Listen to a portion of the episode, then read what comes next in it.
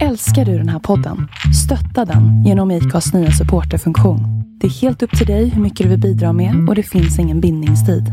Klicka på länken i poddbeskrivningen för att visa din uppskattning och stötta podden. Hiring for your small business? If you're not looking for professionals on LinkedIn, you're looking in the wrong place. That's like looking for your car keys in a fish tank. LinkedIn helps you hire professionals you can't find anywhere else, even those who aren't actively searching for a new job but might be open to the perfect role. In a given month, over 70% of LinkedIn users don't even visit other leading job sites. So start looking in the right place. With LinkedIn, you can hire professionals like a professional. Post your free job on linkedin.com slash achieve today. Hold up. What was that? Boring. No flavor. That was as bad as those leftovers you ate all week. Kiki Palmer here, and it's time to say hello to something fresh and guilt-free. Hello Fresh. Jazz up dinner with pecan-crusted chicken or garlic butter shrimp scampi. Now that's music to my mouth. Hello Fresh. Let's get this dinner party started. Discover all the delicious possibilities at hellofresh.com.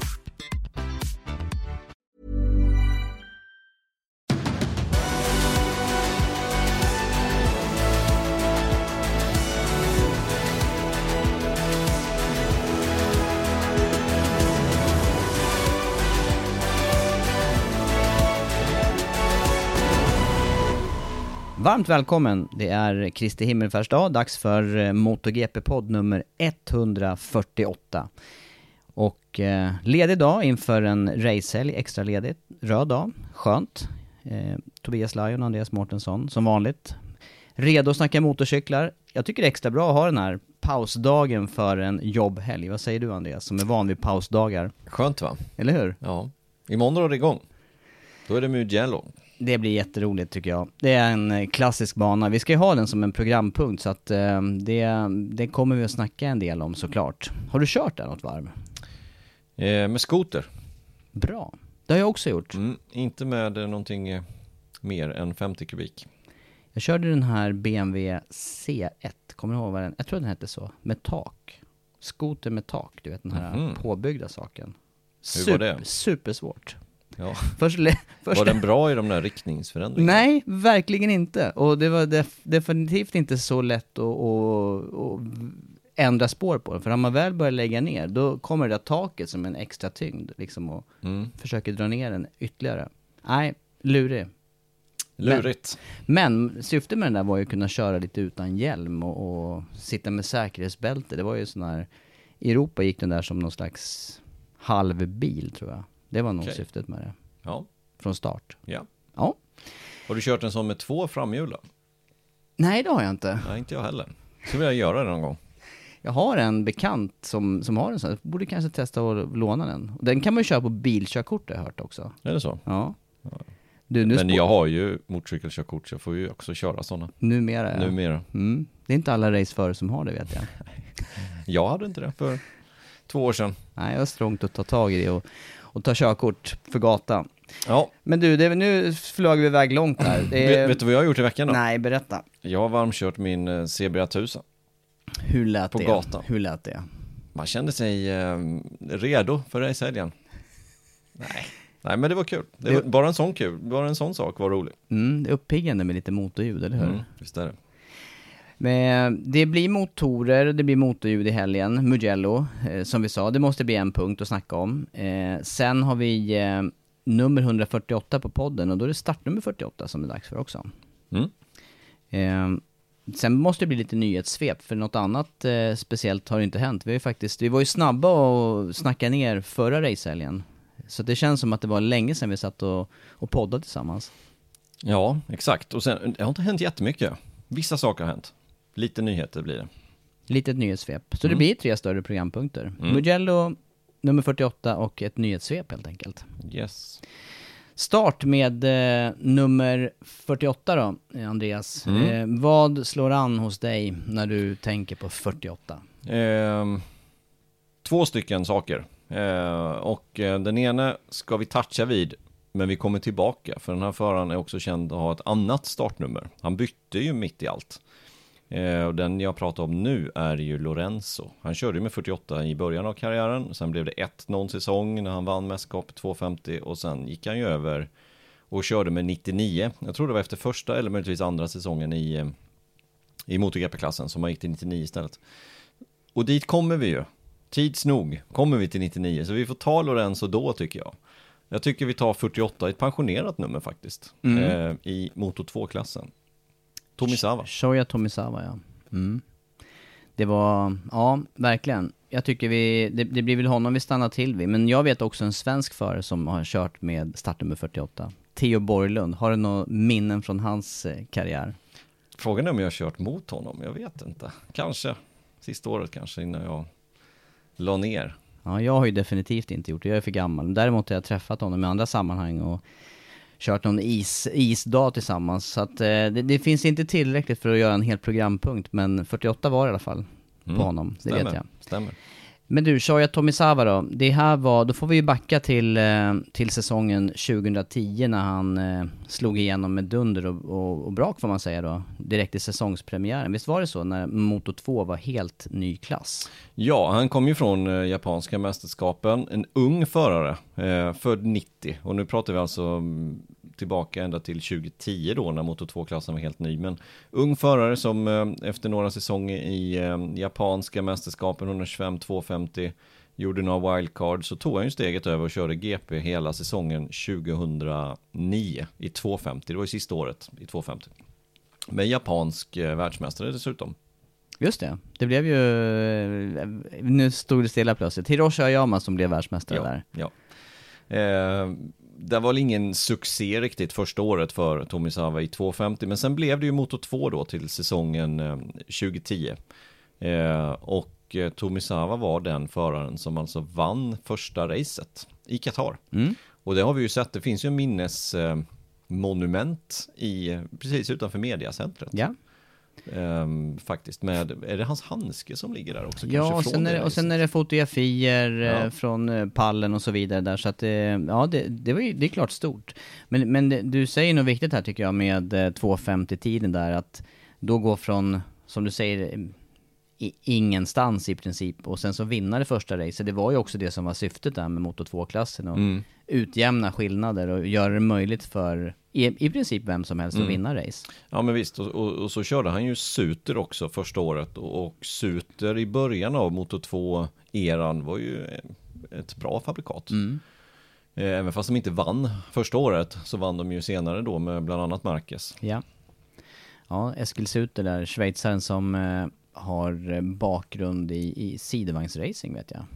Gjorde chassin dit. Jag tror även att de eh, var involverade, för jag gjorde ju, jag hade ju ett, ett vinter med eh, kommentering av Bob och Rodel och, och då var det faktiskt så att Suter gjorde nå höll på att experimentera med någon monokockchassin till, till bobbar. Enmansbob och eh, tvåmansbob.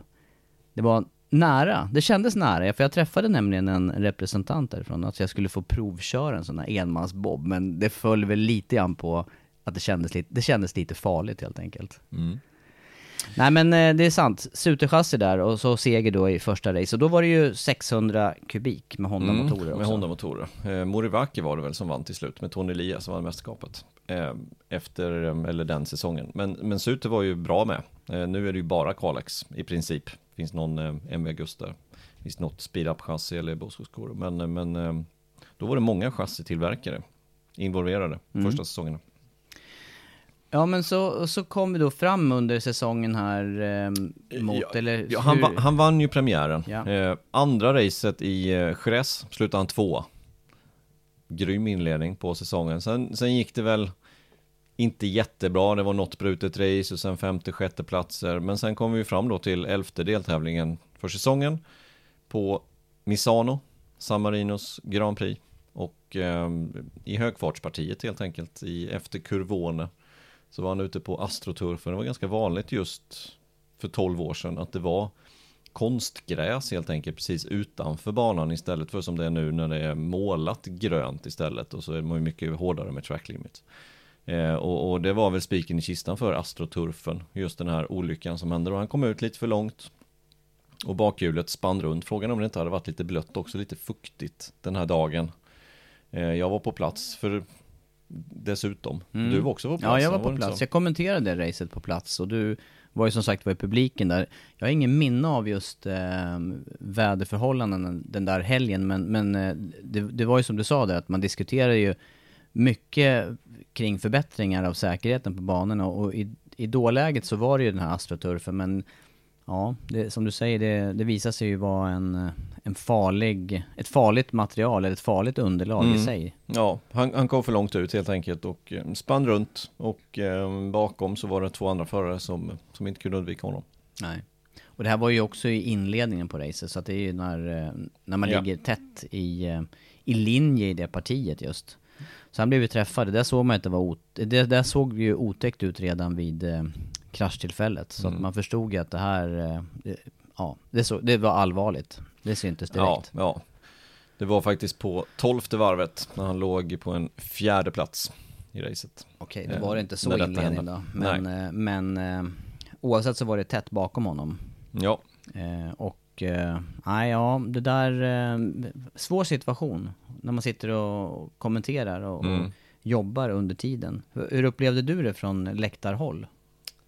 nej, jag kommer faktiskt inte riktigt ihåg det utan jag tror att vi fick reda på det Ja, när vi kom ifrån banan eller när man, det var ju inte det, det, det låter konstigt att säga det här men det var ju inte riktigt att man tog upp telefonen och bara kollade snabbt som man gör idag utan var ju lite annan tid ändå. Mm. För 12, det- även ja. för 12 år sedan. Ja, det är inte länge sedan. Nej, det är inte jättelänge sedan. Det känns som när man säger sådär, det är bara att kolla på mobilen vad det var som har hänt egentligen, men det var inte lika lätt. Nej, nej, nej. nej, och sen Ja. var näten överbelastade, för det var ju 50, 60, 70, 80 tusen pers och, och det funkade ju ganska dåligt på den tiden när det var för många. Ja. Det gör det ju även idag, men det är ju bättre utbyggt idag. Ja, jag minns ju till och med tiden när det var svårt. Det var ju svårt att få fram resultat på de här racen Mm. när jag växte upp. Det, det fick man ju vänta till någon månadsmagasin trycktes, trycktes eventuellt. Nej men eh, Tommy Sava, han, eh, han blev ju allvarligt skadad direkt i kraschen och eh, dödförklarades ganska snabbt efteråt. Ja, bara någon timme senare faktiskt, 14.20, så att det, det, var, det var väldigt tajt på mitt under mot- MotoGP-racet helt Mm, enkelt. och det där var, det, och det märkliga i den situationen var att där kom det då en representant från Dorna skulle jag säga, eh, knacka mig på axeln. Jag satt ju och jobbade och kommenterade eh, loppet eh, och fick den här knacken på axeln och sen så kom det en handskriven lapp med att eh, Tommy Sava har, har dött. Och det, det gick ju knappt att ta in det i livesändning och, och jag tror att jag, jag tror att jag sa bara rakt ut att han, han dog ungefär. Mm. Och man hann inte ens reagera på det. Läskigt. Ja, läskig tid. Det var två stycken eh, allvarliga olyckor där ju. Bara året efter. Nästan pricken året efter. Så var det ju med, eh, med Simoncelli. Mm, japp. Eh, ja, exakt. Det var, det var, det, det har ju som tur var inte till vanligheterna de här all, riktigt allvarliga utgångarna. Men, men eh, de har ju en tendens att komma i klump också, eller flera. Mm. Nej men det, det, det blev i alla fall eh, ganska stora, vad ska jag säga, efterdyningar av det här. Som du var inne på, säkerheten, astroturfen och man, man jobbar vidare med den här säkerheten. Men eh, också en uppskattad förare, som du sa, ung, japan. Eh, Grymt snabb. ja, Grymt snabb och sågs ju nästan som eh, nästa japanska stjärna. mm, ja, Och man har ju redan tappat en japansk stjärna tio år tidigare med, eh, med Kato. ja. Nästan tio år tidigare. Så ehm, ja, man har inte riktigt kommit tillbaka till den nivån där. Det är Aoyama som sagt. Mm. Nej, det, sa, det har saknats som du säger världsmästare sen Mm. i, eh, Och två har försvunnit. ja, Som skulle mycket väl kunna varit världsmästare. Precis, precis. Nej, lite, um, lite vakuum efter det här. Faktiskt. Men eh, nej, så att det blev inte någon lång karriär. 19 år när han eh, gick bort. Mm. Eh, och ja, det, det, ser, det ser hårt ut också i de här resultatlistorna efter en sån här, efter en sån här händelse. Det, det noteras inte med något speciellt att nej, det, det är krasch med dödlig utgång. Det, det skriver man inte om direkt. Nej, det är så. Det är Nej. så. Nej, det är hårt. Ja, Eh, Tragiskt. Men, fortsatt säkerhets, säkerhetsarbete, och där måste vi väl, där kan man väl liksom eh, sammanfatta det här med att eh, på grund av de här olyckorna så, och, och arbetet vidare med säkerheten så ser vi ju inte så ofta den typen av krascher längre. Eh, Nej, det, det, det, sker ju ständigt med säkerheten givetvis. Eh, och eh, jag tycker det var bra att man tog bort den här astroturfen. Det var inte säkert. Nu är ju istället eh, diskussionerna från många åtminstone i det här med eh, track limits och det var ju någon incident i World Superbike och Chas Davis gick ut och var väldigt kritiskt och varför ska vi ha det så här och, och för halva hjulet då var ute på det gröna till exempel. Och det kan man ju ha sina diskussioner om. Eh, för mig är det solklart. Är du utanför så stryks det. Enkelt. Mm. Och jag har ingenting emot, ja men han tappade ingenting på det och han gjorde inte det, nej. Men det är så här det ser ut, Mm. punkt. Eh, Ja men så var det inte förr, förr var det grus där, ja. Det var förr, det är inte nu. Nej. Jag tycker inte om den diskussionen, jag tycker att det är Nej jag vet inte, det, det, det, det känns som att det är ehm, Nej jag, jag vet inte, jag tycker helt enkelt inte bara om den. Den nej, diskussionen. Men, nej, men hur man än bygger en bana, det har vi ju konstaterat och det ser man ju tillbaka på sig själv också. Finns det yta att åka på, då gör man ju det. Ja, Eh, och, men har man bestämt att det här ska, det inte, här ska man inte åka, då får det ju räknas som... Det, och man- marginalerna egentligen- är så himla små. Det, Ja. det säger man ju alltid, det är ju en klyscha i alla sporter, men marginalerna är så extremt. Vi pratar ju hundradelar, tusendelar från att en helg går från succé till att det inte blir det. Och då måste alla följa samma regler. Enkelt. Mm. Och så är man ute på det gröna, om så bara med halva hjulet som inte ens har kontakt med det gröna. Om reglerna säger att vi ska inte vara ute på det gröna, punkt, då är det ju så. Då, då förstår jag inte diskussionen i det. Och, och tycker man att de är mesar som har sådana här regler och det var bättre förr när det var, när det var grus utanför. Ja, men du kan köra ett, ett, ett lopp då som är på en brittisk ö mellan Irland och Storbritannien. Och det är snart dags för det racet. Det är om någon vecka bort. Ja. Åk dit då. Där är det tydligt. Där är det tydligt. banan Varsågod. börjar och slutar. Men håll inte på och, med det där tjafset i, i professionell MotoGP World Superbike. Så tycker jag. Nej, det, det, ju, det blir ju betydligt bättre säkerhet om man är hård med den regeln. Det, det kan man ju inte säga annat. Ja, har vi pratat om eh, startnummer 48 med det, Ja. tycker du? Bra, bra. Hans Då- nummer är också pensionerat. Nummer 48 i Motor 2-klassen. Mm. Det är ingen annan som kommer få köra med det. Nej, och det vi, vet, vi kanske ska vänta med nästa pensionering där, för vi kommer ju till en sån eh, programpunkt också. Jag avvaktar med den. Ja, vi får göra ja, det. Jag tänkte sätta dig på prov här nämligen. För Mm. att se om vi kan lista ut vilka som är pensionerade. Vi kan ju, vi kan ju se om våra lyssnare kan lista ut dem tills vi kommer dit. Japp, då väntar vi lite grann med Så det. då. försöker vi lista ut det också. Vi har inte ens googlat fram det. Men jag tror vi har det i huvudet. Ja, men du, apropå säkerhet, det kan, det kan faktiskt leda in oss på nästa punkt här med eh, nyhetssvepet. För att eh, en utav nyheterna och en av händelserna här under veckan, det gäller ju en eh, före detta MotoGP-förare, Danilo Petrucci, som, som kraschade hårt efter eh, racet i eh, Virginia, Mm. i amerikanska Superbike-mästerskapen. Och Petrucci har precis bytt för att köra då amerikanska Superbike och hamnar lite i blåsväder här ett par gånger, Mm. efter, inte efter att ha kraschat, men efter sina uttalanden. Han har varit lite kritisk, eh, vilket man givetvis får vara. Eh, Vi lägger ingen värdering i om det är rätt eller fel, men han har varit lite kritisk mot själva mästerskapet. Första gången så kändes det som att han kom undan med det lite grann. Den gången så var han kritisk mot att de bröt ett race för att strömmen gick. Då bröt de racet.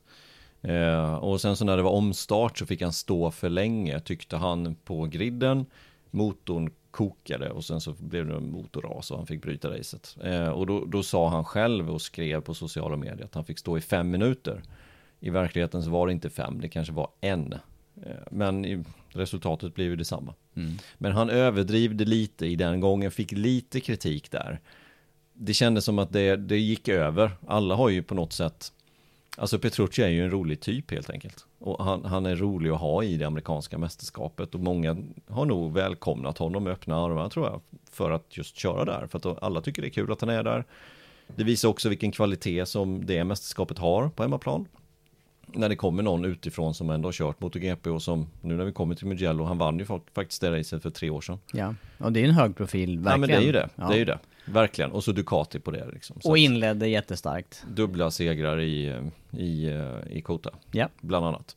Eh, och så hände det här, detta, jag tror det är det tredje racet som gick nu i, i helgen. Han kraschar efter målflagg. Av någon anledning som vi inte riktigt har fått se. Men ett, ett snabbt parti på banan. Där han eh, går omkull. Det, det finns ingenting i vägen där utan det är egentligen bara gräs. Eh, och enligt han själv då så kraschar han i 280 km timmen efter eh, målflagg. Eh, han skriver att det var för att undvika att eh, toucha i någon annan förare. Eh, och att han eh, slog i tre stycken sponsorskyltar som då är på banan.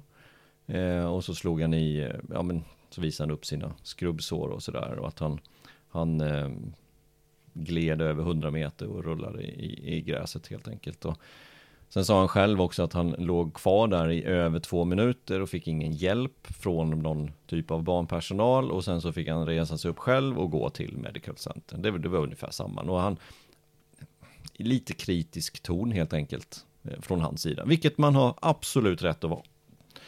Eh, detta har ju dock tagits ganska personligt av Motor America.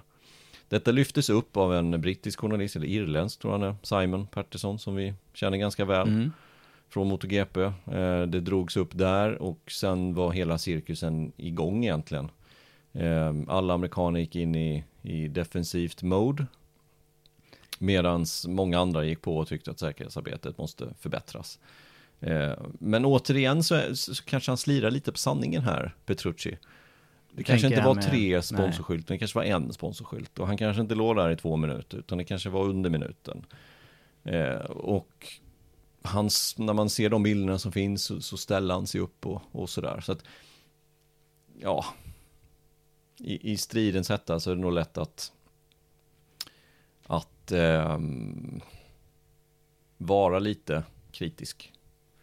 Men kan det här också handla om eh, språkförbistringar? Vad han skriver eller vad... Eh, eller eller just vara. att det skrivs Ja, i, det i stundens hetta. Det kan det mycket väl vara. Eh, Men, men det har vi ju sett också. Visst, Circuit of the Americas har vi varit på och vi var också såg ett race på Road Atlanta.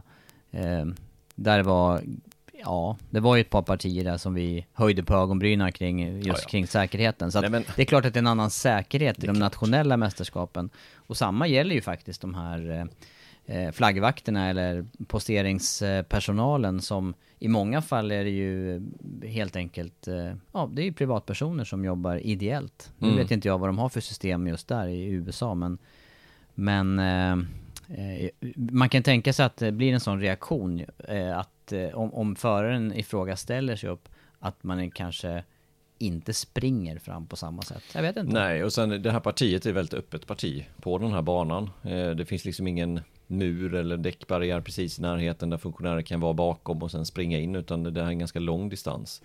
Eh, ja, jag vet, jag, till, det här fick ju faktiskt till och med att Motor America med Wayne Rainey i spetsen gå ut och göra ett uttalande av detta.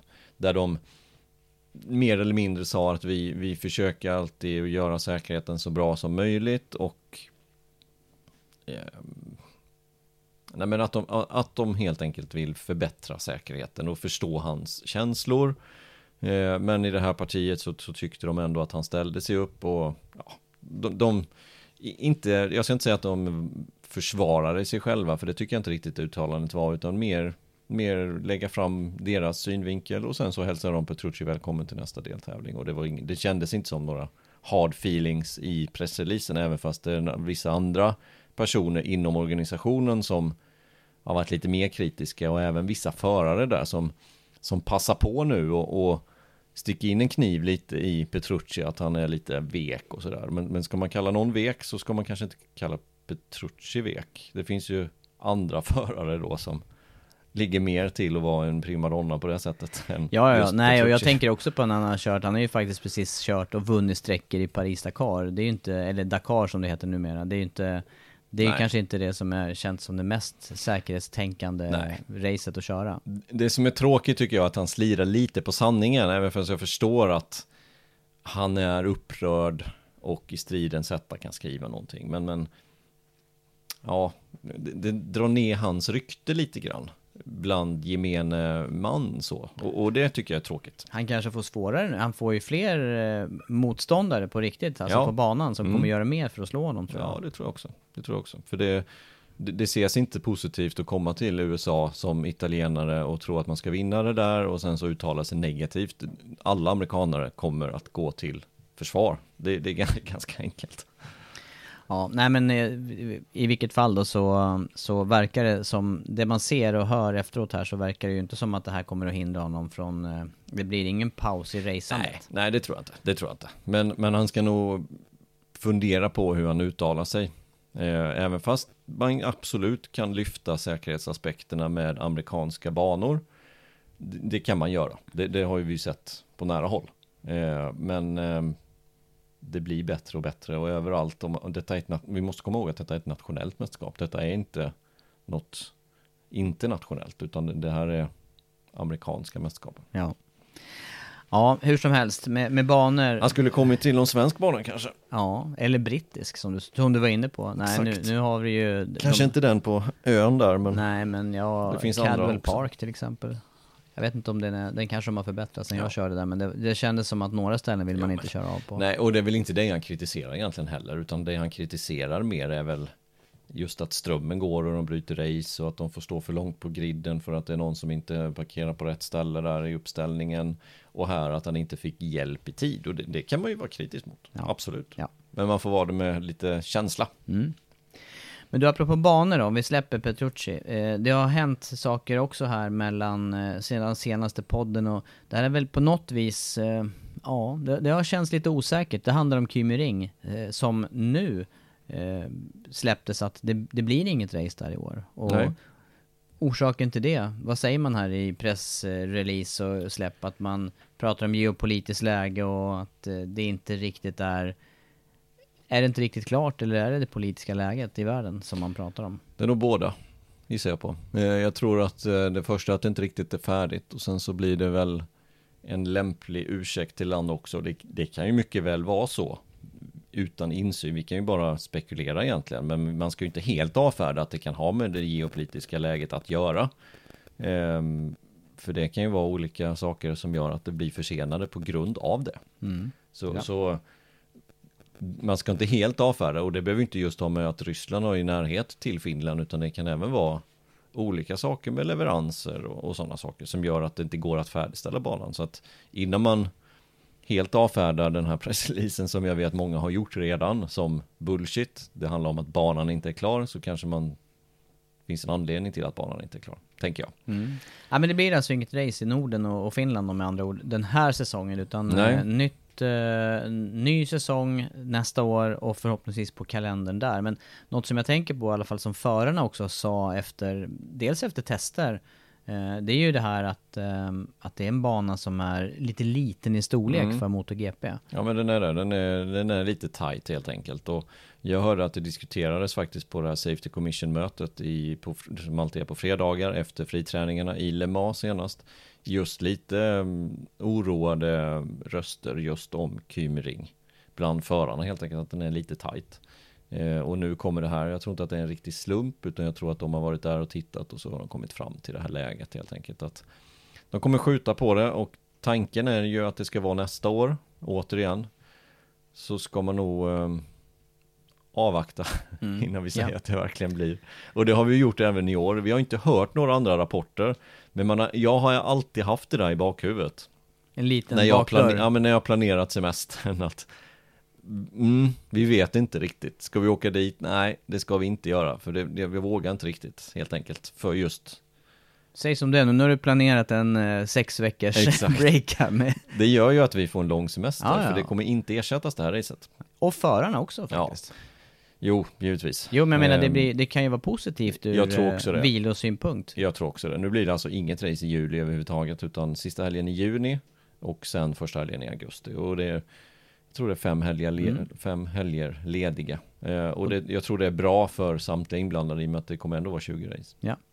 Men det är också att det är 20 race, något som slog mig och som det också har, ehm, som det har skrivits om eh, i, eller som står i reglementet, det handlar ju om det här med att eh, det, det var en rekordlång kalender planerad, 21 race. Mm. Eh, och då blir ju automatiskt då högre eh, slit, mer slit för förare, mer slit för teamen, men också mer på materialet. Och det har man ju försökt då kompensera med en extra motor. Det, det kom ju ut här eh, lite tidigare. Vad händer nu då när man drar ner på antalet race? För till 21 race så var det kopplat en extra motor helt enkelt. Mm, det var det. Och det kommer stå kvar, för det står faktiskt i reglementet att om det är mindre än 21 race inför säsongen, då gäller det eh, med sju motorer. Men nu var det 21 race, eller mer, i början av säsongen när, när första racet drog igång. Eh, och då står det att om det är 21 eller 22 innan första racet så får man alltså använda en extra motor. Och den motorn får man då bara använda från 19 och 20 eller från 19 racet och framåt. Och var är vi då i kalendern Ja, någonstans? då är vi ju på Sepang. 19 racet för säsongen kommer ju vara Sepang och 20 racet för säsongen kommer ju då vara Valencia. Eh, Så man kan alltså använda sju motorer nu, nio då för Aprilia. Även fast de har blivit av med sina fördelar så får de ju fortfarande ha det här motorreglementet. Det är ju till nästa år det kickar in. Eh, Så fram till och med Australien, dit får man använda sju motorer. Och sen får man alltså ta en extra motor i bruk från Malaysia och använda den även i Valencia om man vill.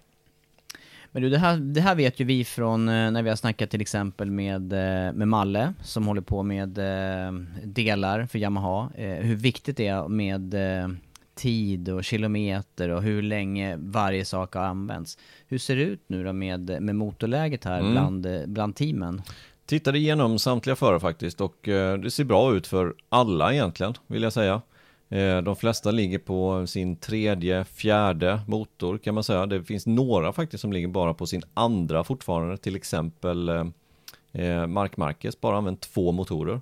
Inte ens tagit sin tredje i bruk än och då är vi alltså inne på sjunde racet för säsongen. Bara kört på två motorer. Men de flesta ligger som sagt och har tagit in tredje och fjärde motorn i i omlopp. Sen byter man ju tillbaka och ser till att man har fräscha motorer när det väl gäller helt enkelt. Som, eh, och och det, går ganska, det går att se ganska tydligt. Tittar vi på till exempel Bastianini som vi nu ska komma in på lite, lite till här. Så, så han har använt två motorer och sen så den andra motorn där den har han använt bara på fredagar de tre senaste eventen. Då är det ju så man gör. Man använder en motor som ska gå sina sista kilometrar och kör, lägger man i den i en utav hojarna på fredagen. Så kör man den på FP1 och 2 och sen tar man ur den och sen sätter man i den till nästa event igen. FP1 och 2, så tar man ur den, så håller man på så. Eh, Men Bastianini är faktiskt den enda föraren som har tagit fem motorer i bruk. Så han toppar antalet motorer? Han, han tappar, toppar antalet, men det betyder ju inte att han ligger sämst till. Eh, för det beror ju på hur, hur långt de har gått. Och här kan, i statistiken kan man bara se vilka motorer han har tagit i bruk och vilka pass de har kört på. Men han var ju i eh, trubbel på Le Mans här. Det, Mm. det blev ju en... Eh, det, det måste ha blivit ett ras där på en av motorerna. Mm, det blev det också. Han sköt en motor på FP3 i, eh, i Frankrike, nu på Le Mans. Eh, och det var första motorn, det vill säga den motorn som har gått mest, om man tittar på antal pass åtminstone. Så att det gjorde väl inte överdrivet mycket att han just sköt den. Har det varit värre om han hade skjutit eh, ja, men fjärde motorn som inte har gått speciellt mycket, utan som, som man då fick, den var ny faktiskt. Så, så inför FP3 i Le Mans, då hade han alltså en motor som hade gått väldigt, väldigt långt motor nummer ett. Och sen hade han även en helt flång ny motor i som hade då satts i till den träningen. Och det var den som hade gått långt som han sköt där. Så den är borta eh, och eh, han har de andra motorerna kvar helt enkelt. Men, men han är den som har, som har använt flest motorer. Eh, och ehm, ja, jag vet inte om man kan säga att det ligger sämst till, men han har ändå tagit dem i bruk. Men det här blir ju, apropå det där med att ligga sämst till. Vi hade ju situationen hos Yamaha där med deras problem med ventiler och Ja. homologisering. Eh, Då visade det sig att det gick ju att åka väldigt många Ja, kilometer, det. i alla fall på de motorerna. Möjligtvis så skruvar man ner effektuttag och annat, men Ja det, det var ju en lite eh, speciell säsong, men man såg ju hur långt man kan köra med motorerna under den eh, säsongen, där 2020 var pandemisäsongen. Den var ju lite kortad och då fick man bara använda fem motorer dessutom. Och två motorer fick de inte använda efter de kom fram till det här problemet med ventilerna. Så två motorer används bara i två race, sen var de borta. Så hade de alltså tre motorer på alla andra racen var den säsongen. Jag vet inte om det var 14 race totalt eller någonting. Så då skulle de gå 12 race och, och det blev ju problem till slut för hans del. Eh, I det läget tror jag inte vi kommer komma i, speciellt inte nu när man får ta en motor till då efter 19 racet. Men är det här rimlig omfattning då på motorer tycker du? Antalet jag känner kanske att det är lite för många, faktiskt. Finns det mycket eh, marginaler? Ja, jag, ty jag, jag, tycker man ser det här att de de har ändå pushat för att få den här extra motorn om det skulle bli fler race, men det är klart att de pushar alltid för det, för de vill ha så mycket effekt som möjligt hela tiden. Men jag tycker ändå att um, det är ingen som ligger nu efter sju race så finns det ingen som man ser direkt att det där kommer bli problem. Utan det är fortfarande, det känns som att det är marginal hos, hos alla och då är det ju kanske lite för många. Men du som är mer bevandrad i eh, det här med motorer eller när, när kan man säga, nu, nu är det helt andra typer av motorer, men, men när är en motor som bäst? Går det att säga någonting sånt? Jag menar i, i om, man, om man tänker så här nu att någon man vill ha ut så mycket som möjligt av en motor. Är det när den är helt ny eller har den gått lite ja, grann? Eller? Lite grann. Man vill ju ha kört in motorn. Eh, men, men eh, det är klart att den ska vara fräsch. Tittar vi på Bastianini igen så tog han alltså sin tredje motor som han tog i bruk. Det gjorde han på FP3 på, i Austin. Sen körde han med den FP3, FP4 och sen även kvalen och racet och det vann han ju. Eh, och den gick ju som ett spjut, den mm. motorn. Eh, och då har den alltså gått bara friträning 3, 4 och så kvalet och warm-upen racet. Så att jag skulle säga att alltså, man ska köra in den, se så att den fungerar ordentligt. Kanske 15-20 mil. Mm. Sen är det dags för race. Hur var det med eh, motorer då? Det är inte alls jämförbart men eh, Superbike racing med mer eller mindre standardreglementer på motorer där. Hur tänkte Nej. man då? Nej, då tänkte man inte. Man körde? Körde man. En hel säsong? Samma? Nej, det gjorde man väl inte en hel säsong, men alltså det, det är ju så mycket marginal, speciellt i en, i en japansk motor. Så att eh, det är klart att den är, den är fräschare och tajtare när den bara gått 100-200 mil. Men det är inte så att man renoverar fullständigt efter 2, 3, 400 mil. Det, det gör man med italienska motorcyklar, inte japanska. det ligger någonting i det. Jag, jag gillar att dra upp det där exemplet med Aprilia när de vann just med, ja. med Biaggi där ja. i Superbike-VM. Jag tror att de snittade, det var ju över en motor per helg då. Ja. Jo men det, och så, det är ju även i superstock just till exempel Ducati som, som man vet har man måste renovera dem i tid om man säger så. Mm. En, en, en, Honda eller Yamaha eller någon annan typ av Japsoj, Yakava, Succa det går oftast hela säsongen. Det finns marginal.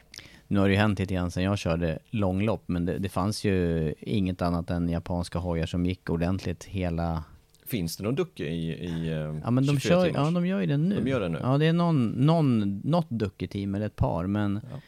Eh, ja, 24 timmars race när jag körde där för 20 år sedan. Det var ju inte några som gick i mål i alla fall. Snabba, snabba inledningsvis. Mm. Eh, så att det ligger någonting i det där. Men, eh, men eh, Motormässigt då är det kvar med åtta motorer trots att man då har dragit ner till, eller det kommer att bli 20 race nu när, när Kymering är struket. Ja. Mm. One size fits all seems like a good idea for clothes until you try them on. Same goes for healthcare. That's why United Healthcare offers flexible, budget-friendly coverage for medical, vision, dental and more. Learn more at uh1.com. Ever catch yourself eating the same flavorless dinner three days in a row?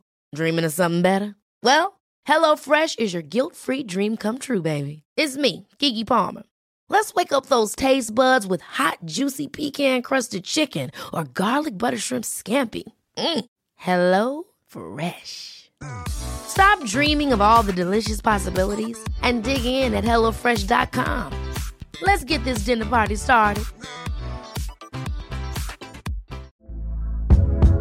Hey there, it's Michelle Norris. I'm host of a podcast called Your Mama's Kitchen. When I travel, I'm usually looking for a way to find a taste of home when I'm not at home. And one of the things I love to do when I am at home is entertain. And Airbnb allows me to do that. When I was in California recently, I rented a house that had a great kitchen. And when we were sitting around the table, we're all thinking, we're in someone else's house. Someone could be in all of our homes as well.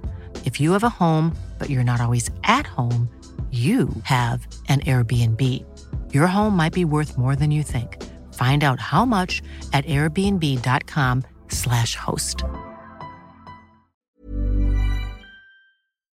Du, det där är ju var läge då att gå in på helgen som kommer här med Mugello. Ja, Tycker du inte det? jo men det tycker jag. Det tycker jag. Vad säger du då? Vad har du, vad har du att... Eh, vad har du för tankar kring eh, Mugello och eh, Italien nu? Det är alltid roligt att komma dit, tycker jag. Eh, det är en eh, grym bana och bjuder oftast på bra race. Och kanske framförallt i de mindre klasserna. Mm. Motor 3 där är, brukar ju vara helt galet. Japp. Och det ska bli kul att se. Mm. Det är alltid roligt att se. Eh, men sen är det, det, det är ju så klassisk mark så det går ju knappt att ta in. Det är ju, det är ju Mugello Assen egentligen som är det här verkliga klassiska ställena på Mm. kalendern. Ja, ja, och för, ja, för mig är det ju verkligen så. Jag, jag, jag tänkte också på det innan vi skulle spela in den här podden nu att Ja, jag undrar om jag, om jag får välja ett ställe. Nu har jag inte, jag har ju absolut inte varit på alla banor, men just den eh, atmosfären som skapas där uppe mellan Ja, bergssidorna och i den här dalen då där den här riktigt, riktigt långa snabba raksträckan ligger. Det är ju, det är ju en bana som har egentligen alla, alla ingredienser för att skapa en bra racehelg. Och så Mm. väder och läge på säsongen. Det är verkligen högtryck nu. mm. Det, det, det finns, allt, allt, allt finns på bordet där. Kan bli det. hur bra som helst. ja det gör det. det, gör det. Eh, så det, det är alltid roligt. Väderprognosen för helgen ser lite instabil ut dock. Eh, det senaste jag tittar och eh, jag eh, googlar snabbt här. Återigen, får se vad vi har för... Det, det är tur att det är du som googlar då. Vad vi har jag. för, ja vad har vi på väderprognosen och ja det, det ser fortsatt instabilt ut. Imorgon eftermiddag lite regn, lördag eftermiddag regn, söndag ser också bli ut, ut och bli instabilt så att det, det kan bli eh, kan nog bli vad som helst känns det som. I helgen, Kanske bra för vissa. Vissa Ja, förare kanske tycker jag. att det är bra. Det tror jag. Men eh, vi får se helt enkelt när det eh, drar igång. Det ska bli intressant att följa utvecklingen på det här som har eh, diskuterats i alla fall kring eh, omkörningsmöjligheter. För att det här är ju en bana där det i alla fall finns eh, normalt sett många omkörningsmöjligheter. Vi ska se Mm. om, det, om det visar sig vara fortsatt lite svårare att köra om i år med de här hjälpmedlen. Mm. Eh, Det har ju varit både en och två slipstreamingar på rakan då i vissa klasser. Det, nu är det klart MotoGP där det är som mest utvecklat med dynamiken men Ja, det, det ska bli intressant att följa. Jag tittade lite på Superbike-VM eh, som gick i helgen och där har de inga problem att köra om. Nej. Och, De har inga sänkningsanordningar, de har ingen aerodynamik. nej. På något Och sätt så, Jag tror att det där, jag tror att det där hänger ihop. Jag, eller jag är övertygad om att det gör det gör det. det, gör det. Eh, Jag tycker att det var lite befriande att se faktiskt. Ja, men, det, men jag hoppas att, att MotoGP kan komma tillbaka till samma nivå och att det bara är tillfälligheter det som sker. mm. men, eh, men i Det, övrigt det, här det är ju inte ja. lika jämnt heller, ska vi komma ihåg då i Superbike-VM. Det är tre stycken som utmärker sig, men sen är det inte mer än så. I MotoGP är det mycket mer än så. Ja. Högre klass eh, rakt igenom hela fältet. Både, både Mm. maskinmässigt och, och förarmässigt. Ja, Men du, eh, vad har du för, eh, vad har du för eh, personlig relation i övrigt då till eh, Mugello? Ja, Förutom dina skotervarv där som du inledde med. Ja, nej, men jag har varit där ett gäng gånger. Såklart. Ehm, det är en, en bra stämning och ja, men inte mer än det vi har varit inne på egentligen. Och sen så är det ju några fantastiska race man har sett här eh, genom åren. Och rent mästerskapsmässigt här nu då, vad, Mm. vad förväntar du dig inför helgen här kring de förarna som ändå figurerar här i toppen av mästerskapet? Ja, men jag, jag förväntar mig att Ducati kommer bli vassa. Eh, att Bagnaia som stod i pole förra året kraschade första varvet i Arabiata 2. Att han kommer studsa tillbaka efter misstaget senast Le Mans. Blir spännande att följa Bastianini. Bastianini som vi inte vet hur han presterade förra året för att han eh, kraschade på väg fram till griden när han kör in i Sarko. Ehm, så det ska vi också bli spännande att se. Jag tror att han är ehm, också rejält sugen på att göra bra resultat på hemmaplan. precis som alla andra italienare och de som kör Ducati. Ehm, det ska bli spännande att se Quattararo som vann här förra året. Kan han kan han komma iväg som han gjorde förra året och få den där lilla luckan då kan han bli svårstoppad. Men vi såg också i Le Mans var han snabbast. Teoretiskt sett var han snabbast, men han kom inte förbi. Han kunde inte köra förbi överhuvudtaget. Och kan han inte göra det på Le Mans, hur ska han då kunna ligga så pass nära på Mugello för att kunna göra sina attacker? Det kan bli svårt, för det finns inget riktigt knixigt parti där att ta sig förbi. Kommer bli trixigt för hans del, Mm. tror jag. Även fast jag tror att över ett, ett varv så kommer han vara med. På kvalet kommer han vara med högt upp. Men frågan är om det räcker i racet. Det är Ducati och Yamaha då. Sen har vi ju Aleix Spargaro högt upp i Mm. mästerskapet, Aprilian. Den har ju inte, den har inte varit svag egentligen någonstans i år. Nej. Där är en annan sak när, vi, när jag sitter här nu med datorn här. Klockan är alltså 11.45. Och det är torsdag. Fick eh, för en kvart sedan ungefär fick ett mail från Dorna att Aprilia kommer ha en egen presskonferens 13.30. Så när det här poddavsnittet är släppt då kommer alla veta vad de sa där och då. Det vet inte vi nu. Läskigt, eller? Men, är du eh, men oroad? 13.30 så har alltså Aprilia kallat till en exceptional press conference i Mugello. Frågan är vad det gäller. Det kan gälla förlängning med Aleix Spargaro. Tveksamt att man kallar till en presskonferens för det. Det kan, som jag tror, kanske mest sannolikt är att det handlar om att de har ett satellitteam på gång. RNF gissar jag på. Och kanske det du hoppas på också eller? För det, är Ja. inte, det handlar inte om någon sån där bombnedslag som Suzuki här. Nej, det, det är ju nästa alternativ. Det är mitt tredje som ligger på bordet. Att de drar sig ur, men det, det kan jag inte tänka mig riktigt. Inte nu när det börjar gå bra. Det gör man kanske inte på sånt här sätt då heller. Nej, nej, Inför nej, en racehelg och Nej, jag tror inte det. nej, då känns det mer som det här. Det, jag, jag tycker det känns mer som det här andra förslaget. Ja. Eller att de har kontrakterat en annan förare. Mm, skulle kunna vara. Skulle det måste kunna vara att de det, kickar Vinales och så, så smäller de in med Rins eller Mir. ja. Skulle kunna vara så. Spännande då. Ja, jättespännande. Detta är alltså en timme och 45 minuter bort och så länge kommer vi inte hålla på här. Så vi kommer inte få det live här. Hur mycket vi än vill prata. Nej, exakt. Men du, vad, vad säger du om Aleix Spargaros chanser då på um, Mugello? Nej, jag, jag tycker de är bra. De är bra helt enkelt. Eh, vi var inne på Yamaha. Quattararo är ju den enda som presterar, den enda som kommer att prestera i helgen också. Även fast det är hemmaplan för Morbidelli så kommer det inte, kommer knappt bli topp 10. Han får vara glad om det blir så, tyvärr. Eh, så det är Quattararo där. Ducati skulle kunna finnas, ja det finns nio på griden denna helgen i och med att Pirro också ska köra. Han kommer väl kanske inte vinna racet men de övriga skulle kunna vara med, vara med på pallen. Många utav dem åtminstone, inte TJ Antonio heller kanske, men de andra.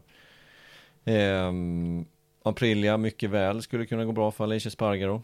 Honda, Marquez. Är inte riktigt i slagläge. Det har inte sett ut så Nej, det har inte sett ut så, utan han kommer nog få nöja sig runt där som han har blivit de senaste racen, femma, sexa, sjua. Någon kommer försvinna framför och sådär. Suzuki kan ju mycket väl göra bra. Suzuki skulle mycket väl kunna vara med, bra. Och sen så har ju, ska vi se vad KTM kan leverera. Kom ihåg att KTM med Oliveira blev tvåa här förra året och det var just i den här delen av säsongen de var så vassa. Det var just Mugello tvåa, Barcelona vann han och sen Sachsenring-racet efter så blev han tvåa.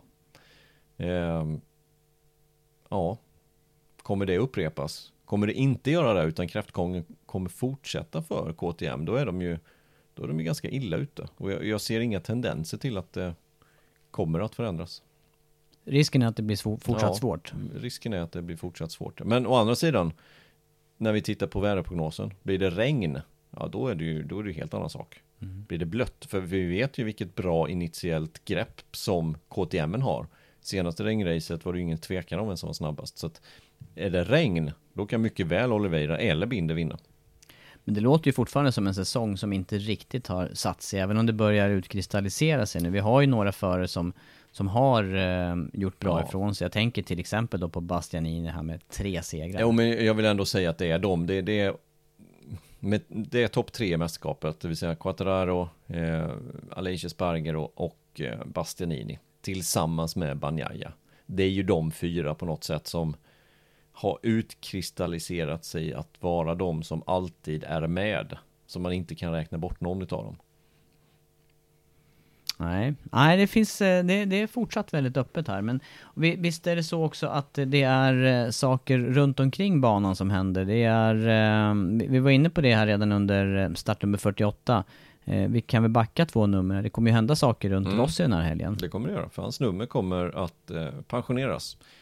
Inte speciellt oväntat. Att nummer 46, att ingen kommer få köra med det. Men han var, inte, han var inte så pigg på det själv. Nej, inte, inte, åtminstone inte för några år sedan när han fick den frågan. Sen väl, har väl det levt kvar lite, att han inte tycker så. Men jag vet inte vad han tycker idag riktigt. Men, men så är det ju. Och den diskussionen har ju, har ju blåsat upp. Ska man pensionera nummer, till slut kommer det inte finnas något nummer kvar. Ja, och så vidare. Eh, men det är klart att 46 tillhör, tillhör Rossi, precis som eh, 99 tillhör eh, Wayne Gretzky. Mm. Jag tror du skulle säga Lorenzo här. inte ännu. Men Nej. du... eh, Vilka nummer är pensionerade Ja, det var precis Ja. det jag skulle se om du kommer ihåg. Jag, har dem i huvudet. Ja men jag vet ju också, förutom då 48 så är det ju 58, Simoncelli. Mm, fast du är inne och blandar ihop lite kategorier här. Är det fel? Ja, det finns några som bara är pensionerade i Moto 2 och i Moto 3. Och i Moto 2 så är två nummer pensionerade. Och det är ju nummer 39 för Lo- Louis Salom och det är 48 för Tomisawa. Ah, det är Moto okej. 2. Okej, okej, okej. I Moto 3 då? Ja då, då blev det ju eh, efter kraschen, det var just på Mugello, Ja, ett år Du Pasquier. Ja, nummer 50. Ja. Som är pensionerat. Och sen har vi några i MotoGP. Ja, men eh, då är det väl i alla fall 58? Ja, då är det fem nummer är det. 58, Ja, 34, för Kevin Swantz. Eh, sen är det, det här har vi ju snackat om så många, Många gånger. Ja, det, här- och det- här, det här kommer jag knappt ihåg. En förare som vann VM-titeln 2006 och som det var fem år sedan han gick bort i dagarna. Hayden. Nicky Hayden. Nicky Ni- Hayden. 69. Ja, Ehm, och sen har vi en japansk förare som gick bort på Suzuka. Ja, det är Dajiro Kato. Med 74. 74. Ja, Då är det ett nummer kvar. då är det ett nummer kvar och han är säkerhetsansvarig för Dorna. Just det, den är lite mer oväntad Mm. i sammanhanget. 65 då? Ja. Eller? Är det så? Mm. Capirossi. Mm. Och, Då blir det nu då startnummer... Är du inne på ett till? Ja, Nej. det är 46 nu. mm, och så sjätte numret. Ja. Ja, då är det ju Capirossi där som är lite mer tveksam till, Ja, tycker jag. mm. Om man ska ha någon synpunkter jag ska där. ha någon synpunkt. Swans då? En VM-titel. Ja, På grund av kanske att Rainey skadades. mm. faktiskt. Ska det, det också. Ja, det är lite... Det blir lite subjektivt vilka som hamnar Ja, men det blir vilka, det. Ja, det, blir det, faktiskt. Det blir det. Men eh, de, utav dem, ja vad blir det då? Åtta numren som är pensionerade så är det faktiskt bara då två som är i livet. Med Schwantz och Capirossi. Ja, och så nu och så helgen Rossi. då. Mm. Mm. Så det blir nionde numret. Japp. Mm. Men det, det är ju spännande i samband med att, eh, att eh, Rossi ska, eller att startnummer 46 ska dras tillbaka. Samtidigt den här helgen så är det ju eh, ståhej kring Max Biaggi också. Mm. De är ju ärkerivaler, Mm. gamla ärkerivaler. Ja, Eh, Biaggi blir MotoGP-legend den här Mm. helgen, visst är det så? japp. Så blir det. Ceremoni, så, så vi börjar med Rossis ceremoni. Den kommer alltså eh, vara klockan 12.20 på lördag. På griden tror jag faktiskt att det ska vara någonting ute på startrakan. Så alltså på lördag inför kvalet. Och den sänder vi på V-sport 1 och på Viaplay. Eh, så att missa inte den. 12.20. 10 minuter kommer det vara en ceremoni och sen kommer kvalen dra igång. För Capirossis del, så kom, eller för Biagis del, så kommer han köra något varv här, eh, Lap of Honor, på en 250. Det där ser du Ja, fram emot. jag nu lyser. Andreas med hela ansiktet En här. Aprilia 250. Klockan 13.25 eh, på eh, söndag, det vill säga precis när MotoGP-uppsnacket drar igång. Så jag hoppas att de är snabba med eh, vignetter och barnpresentation och allt sånt där skräp, mög. Och att Så vi vi, får kan, se. så vi får komma in i bild sen så att det blir, eh, så vi får se det här eh, varvet. Och Biaggi har alltså fyra VM-titlar i 250. Tre Mm. med Aprilia, Mm. en med Honda. Ja, och Eh, så och två VM-titlar i Superbike. Ja, och de är båda med Aprilia. Mm. Så han är ju starkt eh, knuten till det märket på det sättet, även om han nu i, i teamchef, det. teamchefsrollen kör Husqvarna, eller hur? Ja, exakt. Så det. Men, eh, men då ska han åka det här varvet. eh, Men, men annars då, deras rivalitet, den är lite Hoppas det intressant. inte regnar nu. Nej, det hoppas jag ju också, att man får se den, se det ja, i vi torrt. hör den när den Ja. brappar ur. Ja.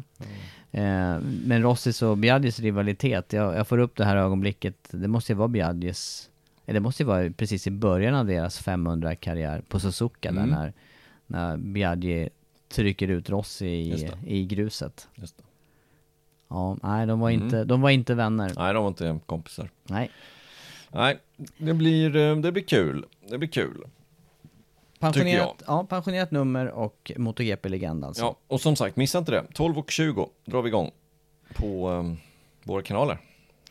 Men i övrigt alltså inget speciellt att hålla ögonen öppna Nej, för? alltså nu är det en timme och eh, 34 minuter kvar tills Aprilia ska hålla sin presskonferens. Det är Jag det vi får hålla utkik efter. väldigt ehm, intresserad av det. Mm. Vad det kommer handla om. Det, det, är, det kanske släpper lite silly nu. Kanske. Eh, men min bästa gissning är att de ska ha ett satellitteam. Min andra bästa gissning är att någon förare har blivit kontrakterad. Antingen en förlängning eller en med Aleix Espargaro eller en ny förare. Mm. Vi får se helt enkelt. Vi har fått en lyssnarfråga. Berätta. Eh, Hej. Jag undrar om eh, Mark Marquez kommer bli världsmästare igen. Bra fråga. Mm. Eh, och helt på uppstuds Ja, då? helt på uppstuds. då Den har vi inte um, pratat om. Nej. Eh, jag, det känns ju inte som att han blir det i år. Eh, och frågan är då vad, motivationen tycker jag att han visar. Med, han- kör ju fortsatt, så kör han ju så motiverat och så bra så att det skulle kunna räcka. Men då ska ju hojen i sig då leverera. Ehm, ja, med, med en Marcus som är hel i år och som är med i utvecklingsarbetet eh, och ger sin input så ja, skulle jag kunna tänka mig någon VM-titel till nästa år. Det tänker jag spontant. Mhm. Vad säger du? Eh, jag, ja, alltså det, det där är s- jättesvårt att säga ju. Eh, givetvis. Eh, jag tycker att han är förarmässigt så, så tycker jag att han är den bästa på griden. Förarmässigt. Sen, har han vissa negativa punkter just nu. Det ena är att hojen inte levererar som man vill. Det andra är att eh, när han slår sig så går han sönder. Så har det varit nu. Han har den här problematiken med synnerven. Och ehm, det, kan, det, det talar väl emot. Körmässigt, om han får en hoj som passar honom hyfsat. Då ser jag inga tvivel till att inte han skulle kunna vinna VM-titeln till. För, för jag tycker som sagt att han är jag tycker att han är den bästa föraren på griden. De andra börjar närma sig, men han är fortfarande, tycker jag, enklast. Sen, sen är det inte säkert att han ju kör på den nivån just nu. För, för det är ofta svårt när man har undermåligt material att, att också leverera det här sista, sista, sista.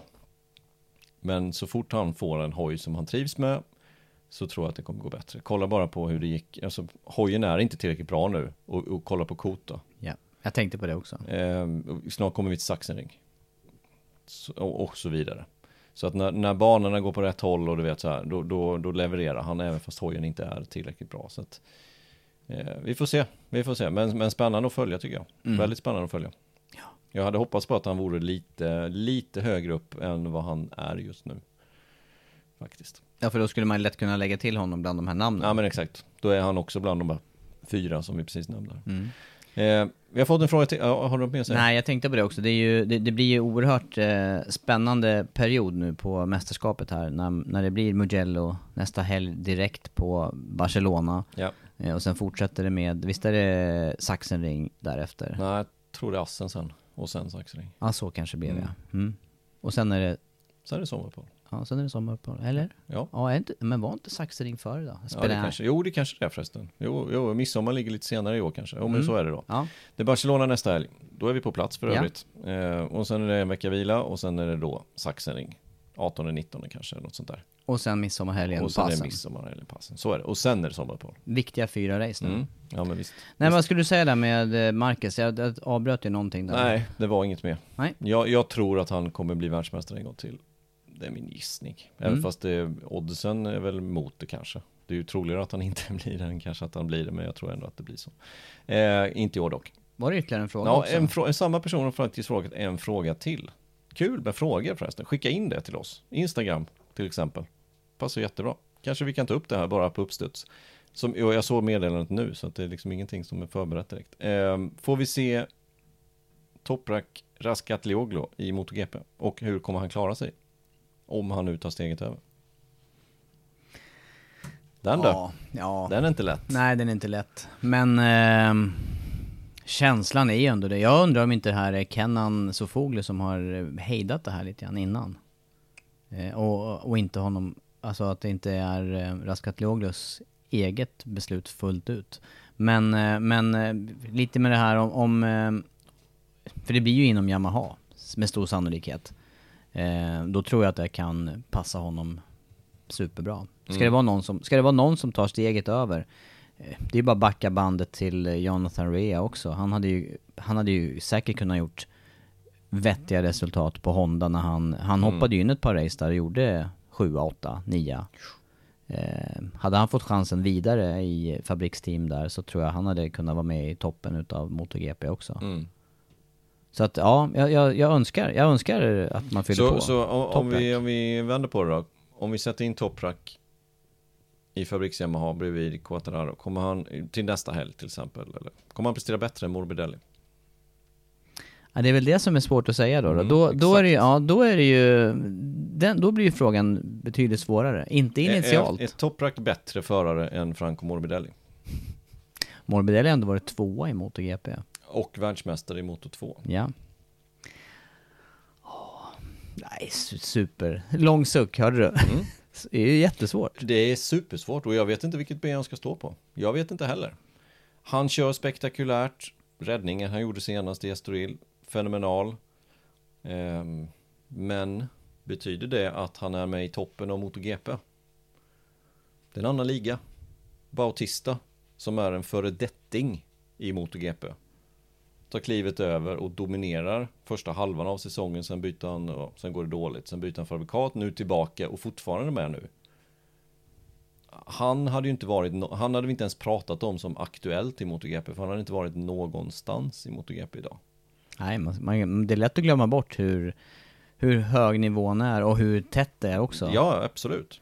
Bara för att man kör spektakulärt så betyder inte det att man är tillräckligt snabb. Nej.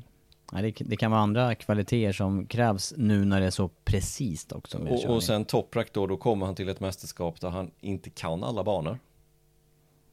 Sant. För att alla banor som Superbike-VM kör på kör man inte på i MotoGP, Estoril till exempel. Nu har han ju kört Portimao också, men det finns många banor på MotoGP-kalendern som inte han kan. Hur blir det? Ehm, ja, ja, ja, Nej, där har ju förarna som har gått igenom klasserna, Moto 3, Exakt. Moto 2, Exakt. de har ju fördel där. det är klart de har. Mm. Och de känner varandra också på ett annat sätt, eller vet, de har tävlat mot varandra också. Ja. Jag hade jättegärna velat se Toprak i MotoGP, men jag kan inte riktigt placera vilken styrning han skulle ta. Ehm, om satellit Yamaha-teamet finns kvar, det vet vi kanske om en och en halv timme, då tycker jag att det är en bra, ett bra alternativ att sätta honom på en, en fabrikscykel i ett satellitteam. Och så får han ta den vägen helt enkelt. Men är han mer värd att sitta bredvid Quattararo och ta Morbidellis styrning? Nej är min svar, mitt svar på den frågan. Tydligt och bra. Då tycker jag, vi, då tycker jag att det är läge att runda av faktiskt Andreas. Vad säger du själv? Ja, jag tycker det. Vi måste spara lite krut till helgen. Vi är tillbaka imorgon 9.45 för FP1. Ceremoni 12.20, missa inte den. Vi kommer, vi kommer prata lite. Kanske. Beror på hur ceremonin ser ut. Jag har inte sett det. Jag har bara sett något videoklipp när de kommer att visa någonting om Rossi där. Eh, så missa inte det, 12.20. Och sen så stannar vi faktiskt kvar och kommenterar även Moto 3-kvalet. Så vi är kvar för det. Och ehm, sen är det kval och alltihopa. Och sen så är det uppsnack 13.25 på söndag. Mm? Mugello. Och sen är det direkt efter det så är det start, Monacos Grand Prix, Formel 1. Och direkt efter det så är det uppsnack för Indy 500. TVn, TVn lär ju gå varm Ja, alltså. ja, alltså det är ju, det är ju Mugello, Monaco, Indy 500. Vet du vad, jag fick, eh, jag fick gåshud nu när du sa det här. Tänk, tänk att bara sitta i uterummet här vet du, och, och bara på V-sport 1 och V-sport motor och via play och sen bara kör man hela dagen. Ja, toppen. bunkra upp. Hoppas det hällregnar. Exakt. Så man bara kan... Här hemma också. Ja, ja, Inte ja. bara i Mugello. Nej. Nej, så är det. Bra. Toppen, toppen. Tack för alla som stöttar den här podden. Vi fick till en podd i denna veckan också. Fantastiskt. Tack så mycket.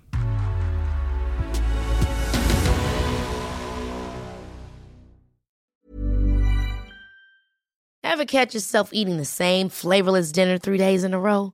Dreaming of something better? Well, HelloFresh is your guilt-free dream come true, baby. It's me, Kiki Palmer. Let's wake up those taste buds with hot, juicy pecan-crusted chicken or garlic butter shrimp scampi. Mm. Hello Fresh. Stop dreaming of all the delicious possibilities and dig in at HelloFresh.com. Let's get this dinner party started. Are you ready for truly hydrated skin? Meet Hyaluronic Body Serum, a breakthrough in body care from Osea. It's clinically proven to instantly increase hydration by 161%. Their lightweight, fast absorbing serum delivers 24 hours of nonstop hydration for silky smooth skin without the sticky afterfeel. Osea's latest innovation combines the magic of their best-selling hyaluronic sea serum with a new formula that's good for the whole body and five types of hyaluronic acid to target every layer of the skin. Osea is a women-founded, women-led brand that's been crafting seaweed-powered products for nearly 30 years. The best part? Everything Osea makes is clean, vegan, cruelty-free, and climate-neutral certified, so you never have to choose between your values and your best skin. Treat your skin to clean vegan skincare from Osea. Get 10% off your first order site-wide with code SUMMER at OseaMalibu.com. That's O-S-E-A Malibu.com code SUMMER.